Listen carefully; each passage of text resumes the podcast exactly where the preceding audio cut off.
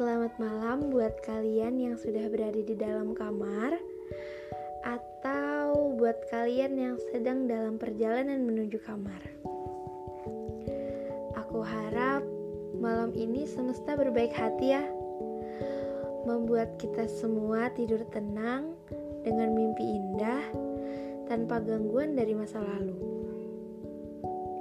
Kadang masa lalu menjadi hal yang paling males buat kita bahas gak sih?